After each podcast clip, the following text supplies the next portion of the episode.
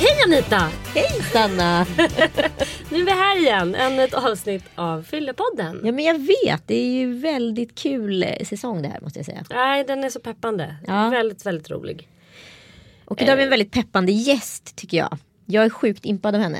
På många Jag sätt med. och vis. Jag var bjuden på en liten tjejamiddag. Mm. Där den här gästen gjorde ett helt briljant uppträdande. Helt, eh, helt otippat. Bara det att man, att man har så här en sing-songwriter i sin lägenhet är ju helt underbart. Mer sånt tycker jag generellt. Att Var folk ska det äkta. samma tjejmiddag där din pappa satt på bild överallt i lägenheten? Ja det var också en jävligt surrealistisk upplevelse faktiskt. Men eh, ja det var det. Och det, det, nej, men det var så himla fint. Jag älskar ju eh, kvinnliga rock'n'rollers. Eller hur? Varför Det har gör jag en fäbless för. Exakt, man är svag för det. Ja. Ja, och här har vi henne. Julia Frey.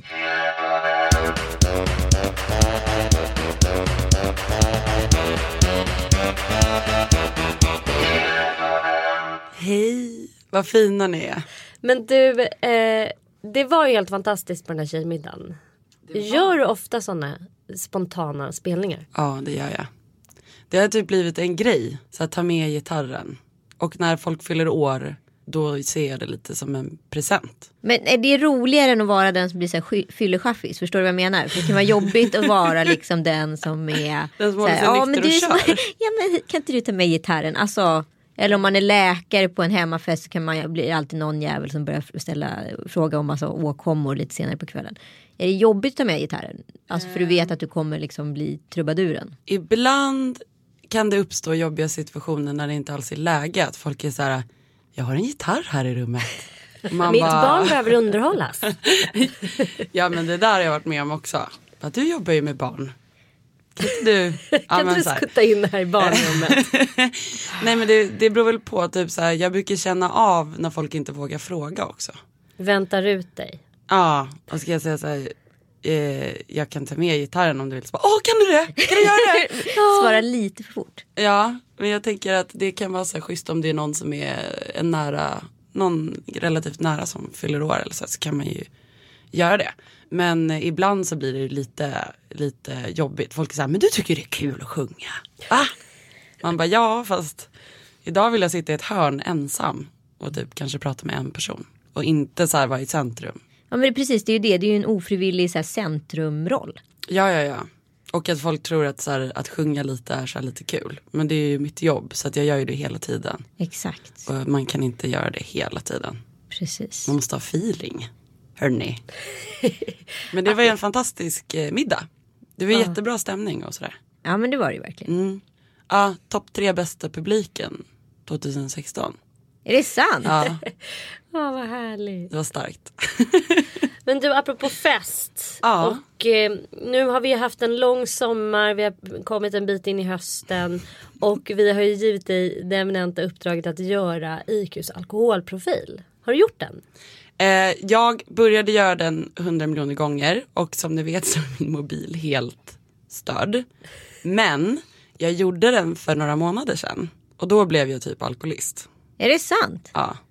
Det var ju olika grader. Exakt. Ja. Och vilken grad fick du? Det är det jag inte minns. Jag är ledsen för att Hänger jag är en det dålig ihop gäst. med alkoholismen? Nej men det är väl den där, man vet ju det när man svarar på frågorna. Hur mycket enheter i veckan? Vilken fråga var, sva- liksom var svårast att svara på?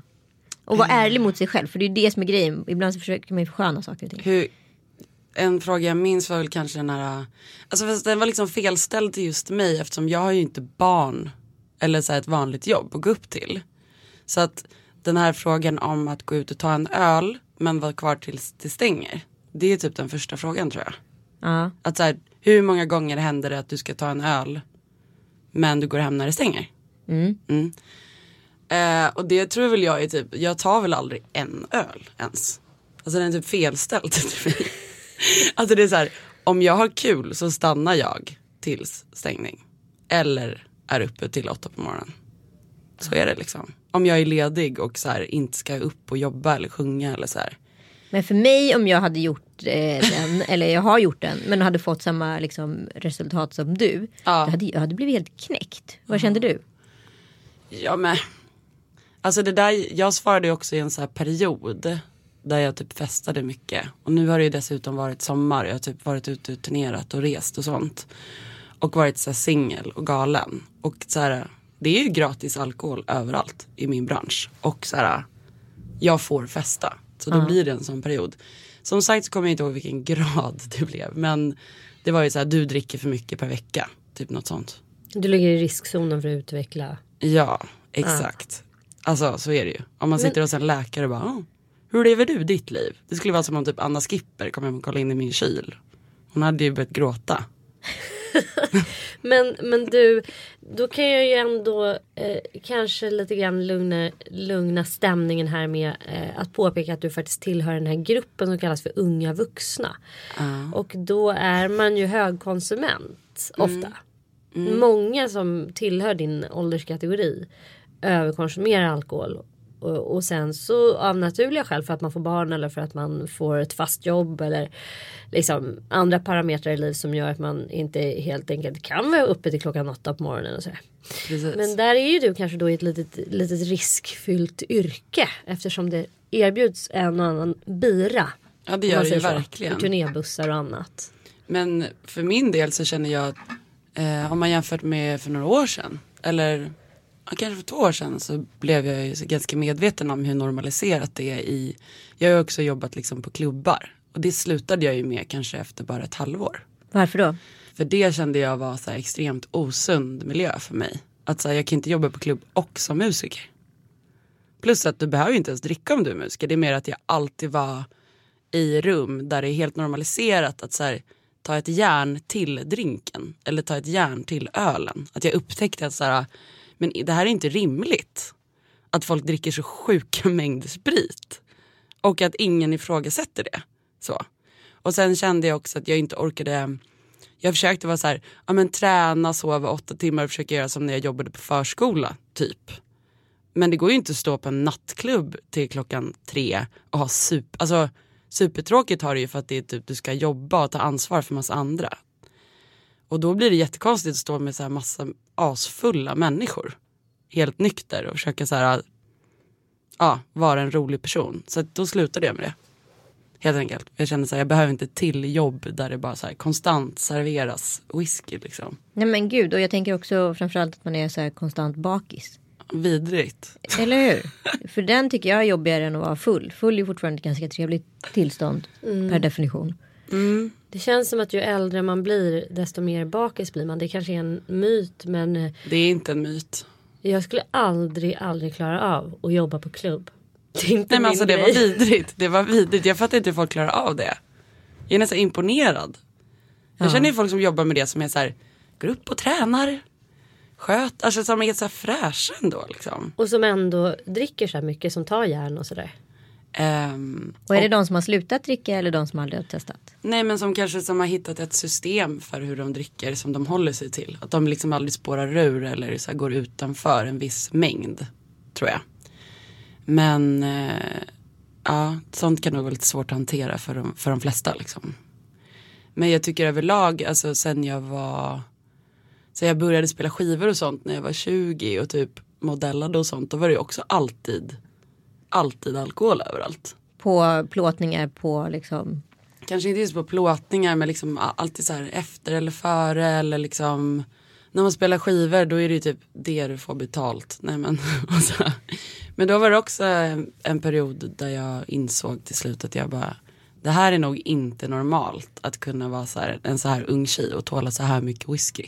Men eh, handlar det också om, för det här kan jag bli så himla dubbel till, att vill man imponera också lite på så här fel personer eller känner man själv att man tycker att man känner sig som en del av ett sammanhang? För min del så tror jag att det var att jag bara att det var så normaliserat. Eh, I en så stor, pass stor krets som jag hängde i. Så att jag ifrågasatte inte det. Och sen var jag typ kanske 15 år yngre än alla andra. Så eh, men sen så vaknade jag upp ur det någon dag och så bara oj. Eh, så här mycket ska man inte dricka. Det är inte normalt. Om jag skulle säga det här till en normal person så skulle den personen bli orolig typ. Så då slutade jag med det. När började du dricka? Eh, när jag var 12. Det var jag. tidigt. Ja, Orminge centrum. High jag kommer ju också från Snake City. Men jag vet. Vad Alltså, fasen! jag vet men jag, jag, vet det nu när du säger det men jag har liksom ändå inte tänkt på det riktigt. Men är du uppvuxen i Orminge? Yes, jag är uppväxt eh, i Kummelnäs. Jag har bott i Orminge centrum också. Gick du i Myrsjöskolan där? Ja. Gjorde du det? Ja, det My. God. Alltså Anita, hör du det här? Oh my god! Herregud, Alltså. get a room säger jag. Ja, men ah, vad roligt, vilken sammanträffande. Men där hade jag ju också då mina liksom, första stapplande fyllor. Du ser. Du, kan, du kan förstå nu Men vad som skedde. Då gick du alltså på Myrsjöskolan och där i 12 års när du gick i sexan. Måste det varit Gör man det? Gud vad brutalt det låter. Ja, men jag är ju också lantis. Jag tror jag var full första gången jag var 13. Ja, Ja, men det det var ju tidigt. så här. äh, Berodde ju på vilka man så här, hängde med liksom. Men jag har alltid råkat hänga med äldre människor. För att jag tyckte alltid att folk var där, att var, folk var lite jobbiga liksom. Och så. Och jag, ja, jag gillade inte läget så mycket. Så blir det så att man kanske börjar hänga där det är lite spännande. Och jag, har ju, jag är ju född lite galen liksom. På gott och ont liksom. Ehm, men då var det ju så här, man hängde i Trollsjön. Ja. Folk plockade typ fimpar för att de inte hade råd med sig. Alltså det var ju härligt med spottande kickersbrudar med så här, du vet. Typ, alltså folk hade ju kniv i Orminge. Liksom. Det var ju Ja. ganska brutalt. Och vuxenvärlden visste ingenting. Och borde vetat eller sett men gjorde inte det. Eh, men jag har aldrig, även om jag började tidigt, jag har aldrig just romantiserat alkohol. Jag liksom, jag har inte varit så, åh vad kul det är att vara full. Så tänkte inte jag så mycket. Utan det var bara något man gjorde. Det var bara något som man skulle göra. Liksom. Eh, men det kanske var lite tidigt. Och sen då, hur gick det vidare liksom? Sen, eh, jag var ju, hade ju depressioner typ hela mina tonår. Och ätstörningar och gick inte gymnasiet och massa sånt. Och då blev det ju mycket fest. Liksom. Så. Eh, väldigt dekadent. Men jag har ändå aldrig, som vissa andra, det, hade ju, det låter ju som att det hade kunnat gå riktigt illa och det har det ju gjort några gånger. Men jag hade aldrig någon romantisk bild av dekadens. Alltså det var inte, jag tyckte inte att det var så coolt eller det var inte bara för att jag ville fly eller så här, utan det var bara något jag gjorde i ren tristess för att jag inte hade något annat att göra. Liksom. Så att när jag väl har skapat mig idag ett liv och eh, liksom börjat göra det som jag vill göra så är det ju inga som helst problem för mig att sluta med saker eller skita i saker. Så. Um, och det har varit ganska skönt ändå att känna att det inte varit så här jag måste festa eller jag måste dricka. Så, så det är bra. Ja men det tror jag. Alltså det är väl olika om man har en beroendegenen eller inte och hur lätt eller svårt det är att avstå eller sluta eller och beroende på hur man är också tror jag om man är väldigt väldigt blyg och, och, och hittar en lösning i att dricka alkohol till exempel så kan det ju vara jättesvårt att, Sluta. att sluta med det liksom. Hur ska man ta sig an världen då? Då måste man ju kanske jobba rätt mycket med sig själv liksom om man ska avstå alkohol. Men, eh, nej, men jag, jag förstår lite grann vad du menar just det där att så här, tristessen och inte riktigt hitta sin plats i världen och, och att det är lätt hänt och att hela vår kultur, alltså ungdomskultur och hela vuxenblivandet för väldigt många handlar ju om att börja konsumera alkohol.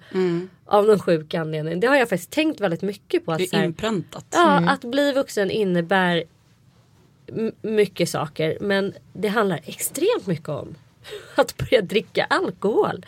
Och typ ta en cigg. Det är ett innan och ett efter. Ja det är liksom ett före och ett efter där. Ja, det är och det. det är som en sån där. Alltså det kanske är som en, en eh, initieringsrit på något sätt. Liksom i vår kultur. Det, det ser nästan ut som det. En, en fräsch eh, kvarleva. Från den gamla. Ja men jag tänker att eh, hela svenska folket höll väl på att supa ihjäl sig. Jag kan inte Ja, årtal gud, ja. men 1600-talet kanske. Ja men det var ju helt urfolkade Alltså, höll bara, säga. Alla Ja, var i krig eller så hade de supit ner ihjäl sig och sen så bara överlevde du på grund Ja, av. så behövde man styra upp en motbok. För att, inte, för att det skulle finnas någon svensk kvar. alltså, Vårt folk ska menar- överleva.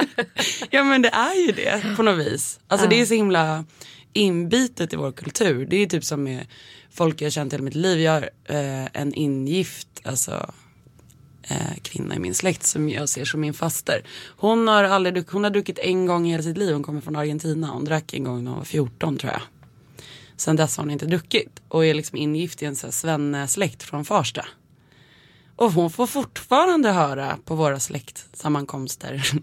Så här, ska du inte ha ett glas? och jag bara, alltså det här är så trött.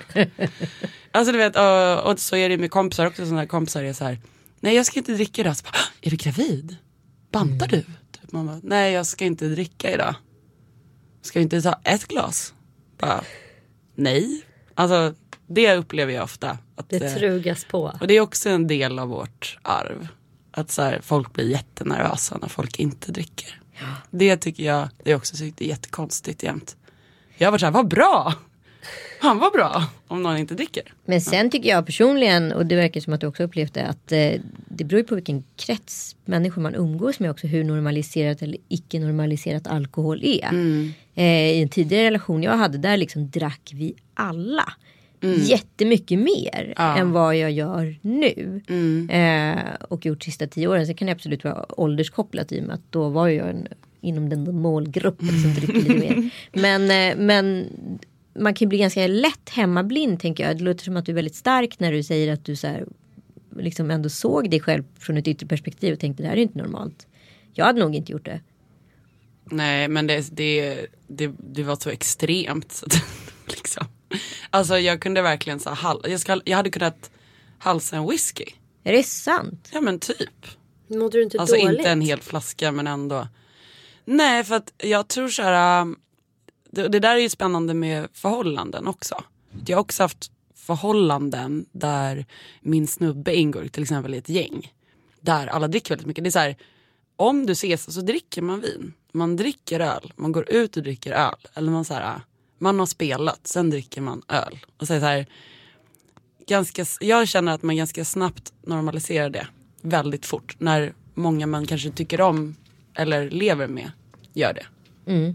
Har du haft liksom några negativa konsekvenser av eh, att ha en liksom hög alkoholkonsumtion eller vad man ska säga? Ja absolut, alltså dels så är jag ju sångerska. Det påverkar ju rösten jättemycket. Och sen det är väl allmänt så att man orkar mycket mer om man inte dricker så mycket liksom. Alltså det påverkar väl hela ens liv.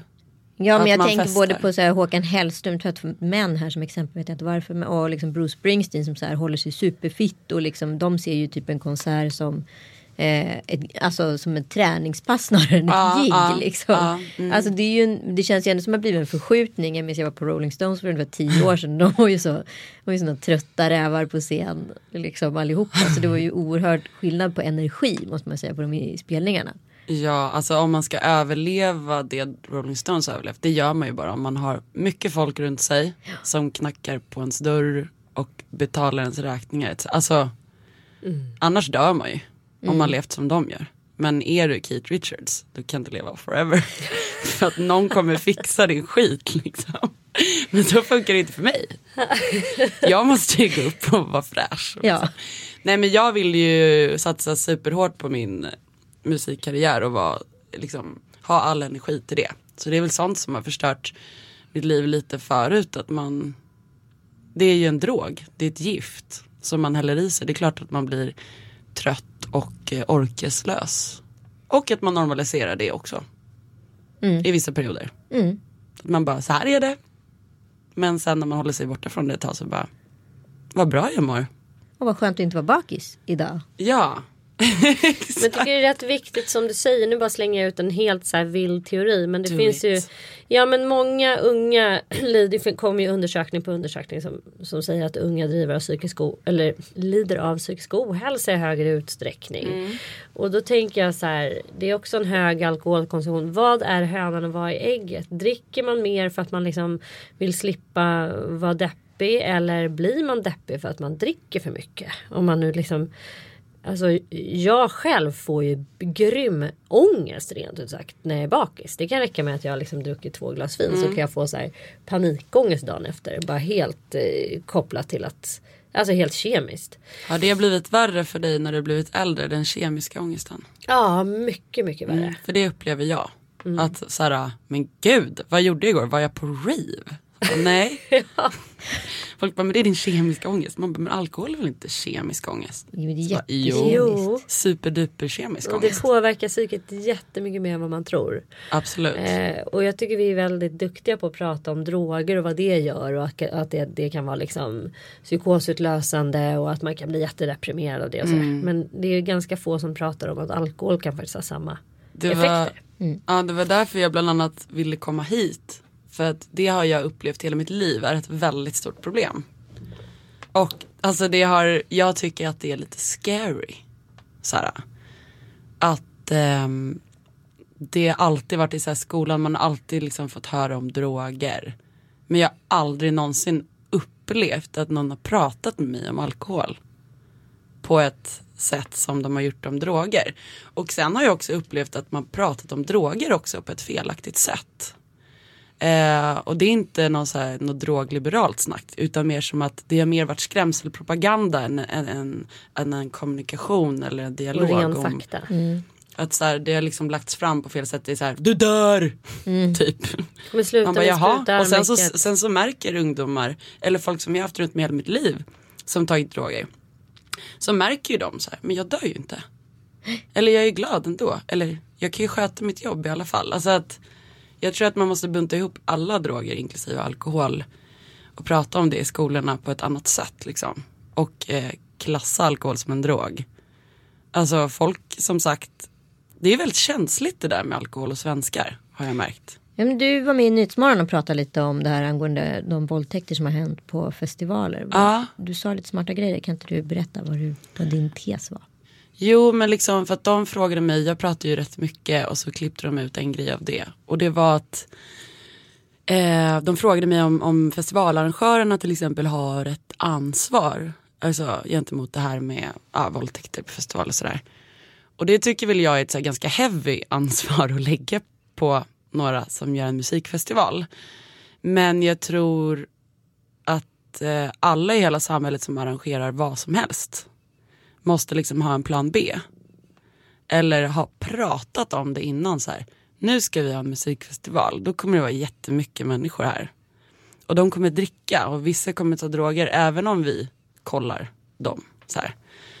För det är inte så svårt att få in det liksom. Um, och då måste man prata om, ja men då kan det ju ske våldtäkter. Det kan ju liksom hända obehagliga saker. Vad ska vi göra åt det liksom? Vad ska vi göra när det händer? Har vi liksom någon plan på vad vi ska säga, hur vi ska hantera det? Eller så här, skulle vi kunna ha lite vakter ute eller så här, volontärer? Som de typ hade på Melodifestivalen. Så här, en miljon volontärer som gick omkring. Inte för att det var för att hindra våldtäkt. Men jag tänker att det kan ju inte vara jättesvårlöst med lite mer koll Närvaro. på läget. Men det är inte deras ansvar. Jag tror att det är ett problem i hela samhället. Att man inte tänker så här vad som händer när folk dricker. Det är bara att kolla på de här båtarna. Viking Line och shit. Ja, men jag också, tycker att det var så, för det, det som kom i kölvattnet, jag såg dig, den, det var en nyhetsmorgon. Mm. Eh, Så fick du frågan och just att säga egentligen den enda som bär ansvaret är ju förövaren. Mm. Och eh, den som blir våldtagen har ingen som helst ansvar att varken vara nykter eller full. Eller, alltså, och, och det var ju någon polis på Södermalmspolisen, något pucko, som twittrade så här. Nu har Älskar ytterligare en. Ja men Inte. alltså så ogenomtänkt. Ja. Nu har ytterligare en krögare eh, typ eh, serverat en redan överförfriskat och bidragit till att hon blev våldtagen eller något sånt där. Man bara, fast Va? på Ja, liksom det var både så här Ja, men du vet sån victim blaming på både tjejen att hon hade varit för full och sen Ah. att det skulle någonstans vara krögarens ansvar. Att det då kan skutta fram en våldtäktsman Ah. och så här gripa tag i den här överförfriskade kvinnan. Det blir så otroligt fel signaler. Mm. Jag tror vi behöver lite med- samtalscirklar med snuten. På riktigt. Ja, om men så här, det också. kom ihåg nu hur ni pratar om det här. Eller så här, kanske att de kan ta en, så här, ko- en, kommunikationsstrateg som kan få göra de där ja, tweeten. kan ni anställa någon till er Twitter? Snälla. Södermalmspolisen. Nej men så här, ja och jag fick ju samma när jag satt där, för jag var ju musikgäst och då frågade programledaren också om det där. För då hade Sven Melander just pratat om sin nya bok också. Men eh, han hade pratat om Sara Larsson. Larsson-grejen. Och då frågade hon mig om det och väldigt många har frågat mig om det. Och då känner jag bara så här, vi måste sluta prata om Sara Larsson. Och vi måste sluta prata om Sven Melander och vi måste sluta prata om bartenders. Så här, vi måste prata om förövarna, vilka är de, vart finns de, vad händer, vad gör vi? Det är alltid så himla mycket fokus på andra saker än själva våldtäkten och så här, hur man tar hand om det.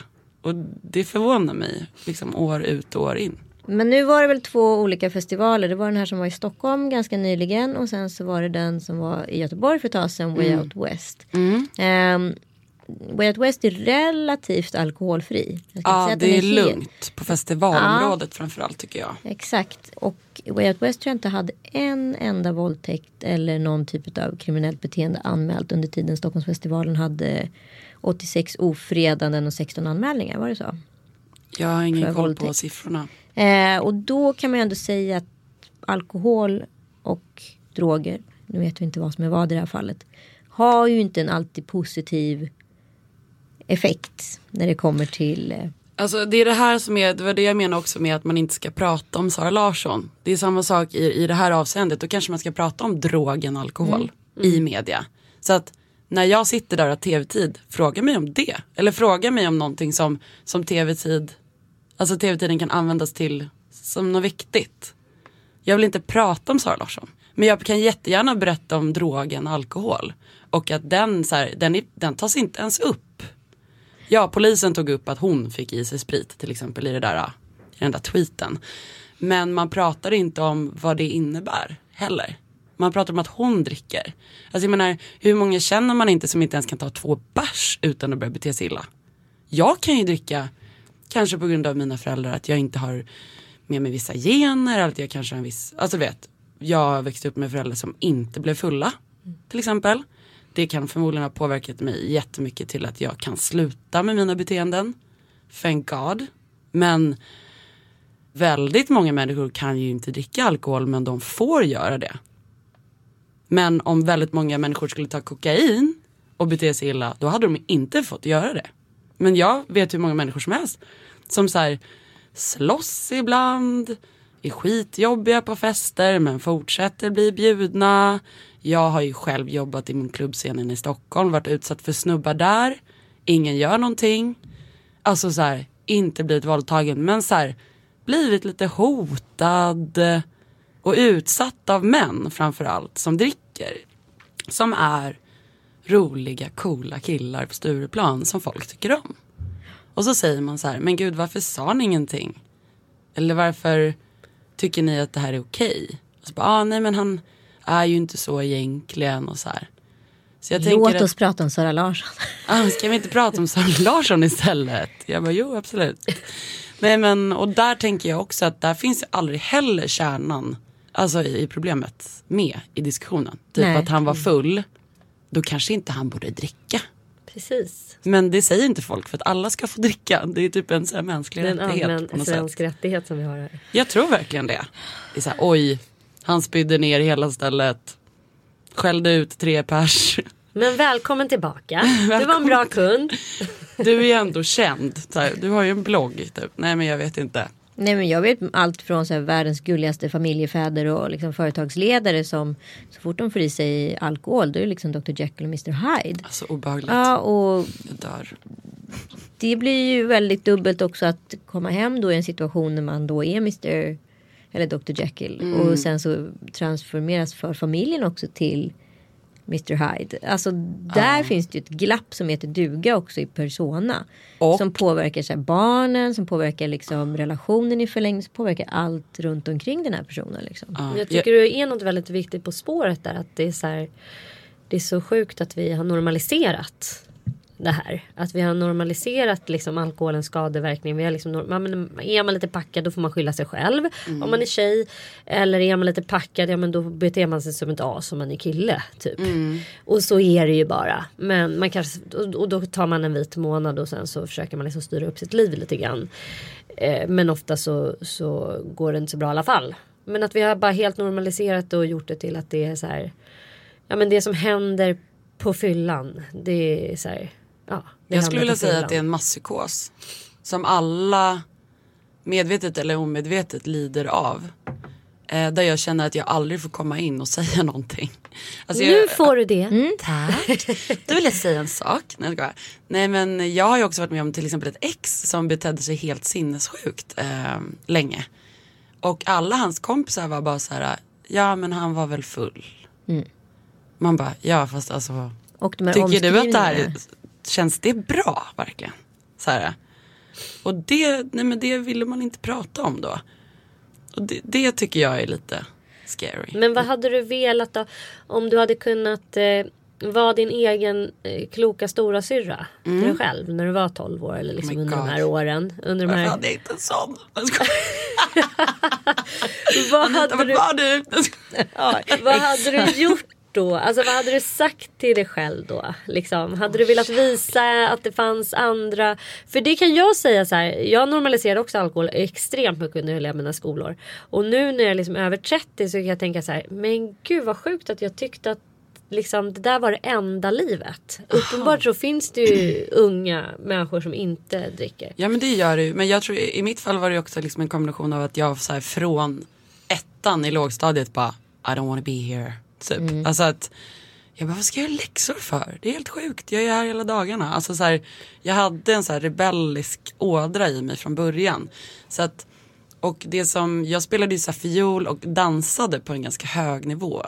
Tills jag kanske var 15 eller någonting. Så att om man får säga vad som helst till sig själv när jag var 12 är väl typ så här, sluta inte dansa, köp en gitarr nu. Alltså typ att jag borde skaffat mig, Mer Hobbies. men typ jag slutade väl dansa för att det var en vidrig värld att vara i som tjej. Alltså så, här, så mycket ätstörningar och jag lyssnade inte riktigt på sån musik längre och var lite så här punkare och så här, började spela gitarr istället. Men det var liksom senare. Jag tror det hade räddat mitt liv ganska mycket om jag hade börjat med musik redan då eller något sånt där. För att det var inte som att jag riktigt, jag fick ju bra betyg för att jag var bra på att snacka. Liksom. En sån här irriterande person som snackar till sig betyg. för jag trodde inte på läxor, jag tyckte att jag skulle få göra det i skolan. Jag tyckte typ så här, kan jag få stanna till 18.00 istället? Jag klarar inte av att göra de här själv hemma, typ så. Eh, eller jag vill ha ett liv själv. Men ja, men det hade väl varit något sånt. Att så här, drick inte jättemycket vodka rent. Kanske inte efter klockan 12 och typ köp en gitarr. För det hade varit ett, en hobby som hade ju hållit i sig tills idag. Men jag började med det när jag var typ 18 och spelade gitarr. Och då fick jag ju ett liv. Och då var det mycket lättare att så här, börja kämpa lite. Jag göra det istället för att festa. Ja, att, så här, att man bara, "Ja, men jag kanske ska skaffa mig ett liv ändå som är lite härligt. Men jag kan också uppleva att i den här branschen som vi verkar i på ett sätt allihopa om man nu skulle prata om media. Så, the media business. Där är det ju liksom det finns ju många stora starka profiler kanske främst bland liksom det manliga skrået som så här legitimerar det här med fylla på ett ganska liksom eh, problematiskt sätt skulle jag säga. Och där det också finns, man ser deras följare i liksom Instagramsfiler och, och så vidare som tycker att det här är lite heja heja det coolaste som finns. Hur, hur, hur känner du där liksom med sociala medier och medier? Att så här, hur, mycket, hur mycket ska man romantisera alkohol? Jag tror att jag per automatik eh, ger en ganska festlig bild av mig själv. I alla fall för några år sedan. Jag festar ju mycket. Men ibland så dricker jag ju inte när jag festar heller. Alltså så här. Eh, hela mitt liv är en fest. Men det är inte bara för att jag är på fest. Utan det är för att jag har roligt och gör mycket festliga saker. Så jag tror att vissa kanske får en stark bild av att jag festar mycket. Men det är ingenting som jag så här eh, reflekterat så mycket över vad jag ger för bild så här, till andra. Men däremot så tror jag att, eh, ja, men att det är viktigt till exempel att då kanske balansera upp det med till exempel vara med i en sån här grej. Och vara relativt öppen om det. Inte för att jag tycker det är kul att så här, eh, alltså enbart kul. Att berätta för hela världen hur mycket jag festar eller när jag började festa.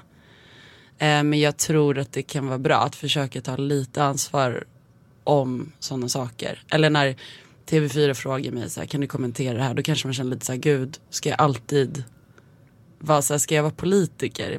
så här, kan inte jag bara vara musiker? Så här. Tänker väl att man får balansera upp sitt det man liksom visar upp med att också berätta att det har inte varit nice hela tiden. Och att man har issues liksom.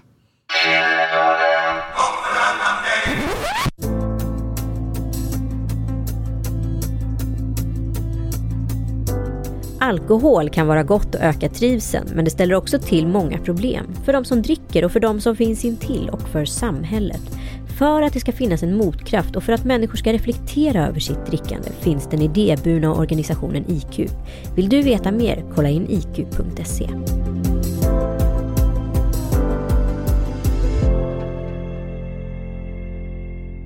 Men du har ju ett otroligt politiskt engagemang. Du har ju liksom startat I am Music, eh, mm. en stiftelse som ger barn i flyktingkatastrof och läger musikpedagogik. Kan inte du berätta lite om det? Ja, ehm, Sandra Nordin som är PR-agent som har varit det åt Kent alltid bland annat. Fantastisk vän och kollega.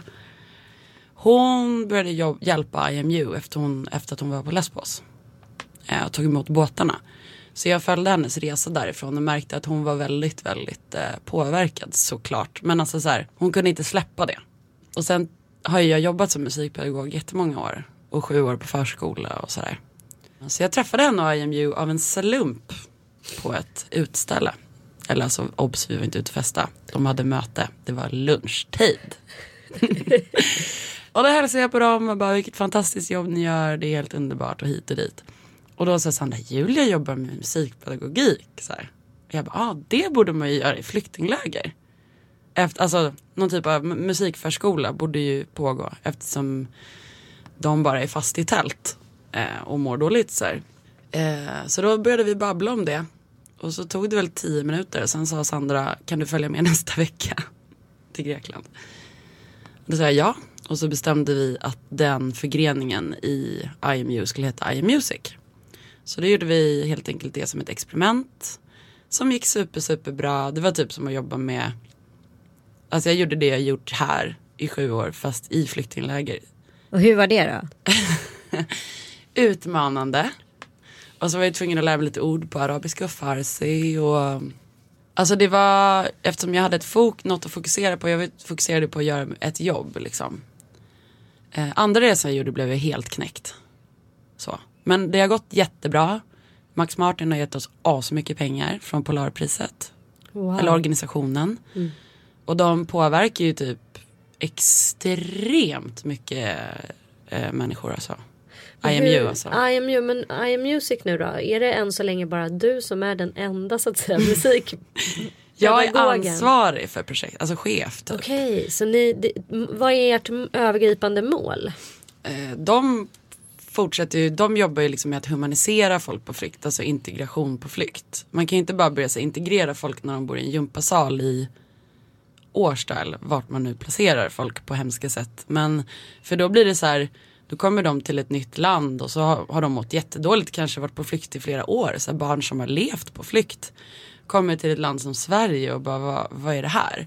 Men om man börjar jobba med dem på flykt, att de får kanske lite förskola, bibliotek, musik, kultur, uppleva saker som inte bara är trauma. Då börjar ju integrationen redan där. Mm. Så att målet med till exempel I Music är ju att eh, utbilda jättemycket volontärer i musikpedagogik och lära ut lekar och så här, göra lathundar på arabiska och farsi och att det ska finnas ett system i lägren som vem som helst kan använda med barn, tonåringar och vuxna. Men det vi upptäckte var ju att det var, det var ju ett barn och ungdomsprojekt. För mm. att alla kan vara med. Alltså en tonåring vill alltid lära sig typ spela gitarr. För att det är så här coolt typ. Eh, men sen var det så alla vuxna ville vara med också. Vi är hur mycket musiker som helst där ju. Alltså ja, jag träffade människor från så här Iran som är bannlysta som inte jag har fått lägga upp eller visa upp så här. Men så vi hade så här konserter tillsammans. Jag, jag bara grät och grät och grät och grät. och, grät. och de sjöng, alltså barnen och de vuxna sjöng så att jag bara grät och grät och grät.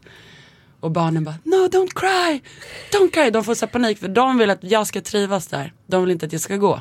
Oh. Så de får så här, försöker göra mig glad hela tiden och bjuder mig på saker och sin sista mat, sitt sista kalla vatten. För att de är så glada att man är där. Så det är en ganska stark upplevelse. Och andra resan, då öppnade sig folk mycket mer. Barnen där, alltså jag var i skillnaden liksom mellan Sverige och där. Det är väl att barnen är så extremt tacksamma och glada och de lär sig typ fem ackord på fem minuter. För att de är så ostimulerade och törstiga på någonting annat än det de gör. Så här. Men jag är ju, alltså att jobba på förskola även i Sverige är ju oftast personalbrist, kaos, mycket ungar, alldeles för lite av allt möjligt. Och då är man ju van vid kaos. Man är van vid att typ blöda från halsen och gråta och svettas och byta 80 blöjor samtidigt. Så det var inte jättestor skillnad. Men i ett, ett av lägena så är, mår barnen väldigt dåligt för det är så många barn. Och föräldrarna mår dåligt. Så att då var det ju en väldigt stor utmaning för mig att hålla i de här, vad ska man säga, klasserna. Musikklassen. Ja, att få folk att vara med. Och att så här, inte typ döda varandra. För att de mår så dåligt, barnen. Utmaning. Ett Verkligen. helt fantastiskt Ja. initiativ och arbete. Och vad kan man läsa mer om det här om man blir inspirerad och På- imponerad? imu.se. Och då är det I-A-M-I-O-U. Ja. Just det. Vi ska runda av här. Vi är så himla glada att du kom hit till oss. Eh, ett jättefint samtal tycker jag. Det är jättemysigt. Snälla Julia för att du kom. Ja. Tack så hemskt mycket. Vi har några så här obligatoriska frågor som vi kommer dra. Eh, så jag börjar. Yes. Så kör du Yes. nästa. När var du full senast? Um, lördags. Berätta om ditt eh, värsta fylleminne. Oh my god, hur ska man kunna välja ett? Eh, Top of mind. Okej, en gång så spydde jag ner hela Dramatentrappan typ. Alltså som en, jag var en fontän kan man säga. Men då var jag typ 19, hade du vet så här, inte ätit och fått i massa sprit. Det var liksom en liten turning point också att man, man vill inte bli så borta. Tur att jag hade en vän med mig. Det var hemskt och förnedrande. Hur ser din relation ut till alkohol idag? Ehm, jag eh, försöker konstant tänka på att det är en drog. Och jag eh, försöker verkligen att balansera upp det ordentligt med så vatten och mat och sånt. Att jag inte så gör sådana så här, ungdomstabbar som man gjorde förr. Man jag- måste äta ordentligt och så dricker man varannat Ja, vatten. jag försöker vara lite som min egen så här, mamma eh, röst i huvudet och bara nej men nu måste du dricka vatten. Och sen att jag inte dricker bara för att det är gratis. Det är lätt att man bara dricker om någon serverar åt en. Så. Jag har börjat med en grej, att alla såna här grejer som är mitt i veckan, såna här små mingel eller vimmel eller vad sjutton det nu är. att jag börjar köra alkoholfritt. Smart Alltså, Anita. ja, men så alkoholfritt bubbel eller vad som helst. Och du vet, ingen, ingen då kritiserar dig i sådana fall för att du, eller tar den risken att eh, bli kritiserad för att du inte dricker. Nej. Och du är lika, lika roligt som alla andra och du är inte bakis. ja. Det är Gud svinbra. vad smart. Så här lite doldis. Ja, Yes. Ja, mm, smart. Det ska jag tänka på. ja, men det är faktiskt ett tips. Jag har prövat nu ett halvår, det funkar skitbra. Perfekt, Ja. jättebra. Mm. Ja, men då är vi klara. ja, vi är klara. Det är vi. Tack så Julia, har du något du vill tillföra så gör det nu. För sen är det kört. Sen är det kört. Nej, eh, att jag skulle önska att folk eh, började prata mer om alkohol tror jag. Det skulle nog vara väldigt, väldigt bra. Om sin egen alkoholkonsumtion och alkohol i stort. Ja, det behöver inte vara att man ska skämmas eller bli en så bättre människa på en sekund eller så sluta dricka. Men så här, börja tänk, tänk på det. Liksom. Lite mer. Kloka ord av en klok tjej. Ja men hörni, Ja. puss på er. Tusen tack och tack för att ni lyssnade. Fyllepodden görs i samarbete med IQ. Så om man är mer intresserad av IQs verksamhet så kan man gå in på iq.se eller följa dem på Facebook eller Instagram eller så kan man också gå in och göra alkoholprofilens test om man är intresserad av sina egna alkoholvanor. Ha det bra. Hej.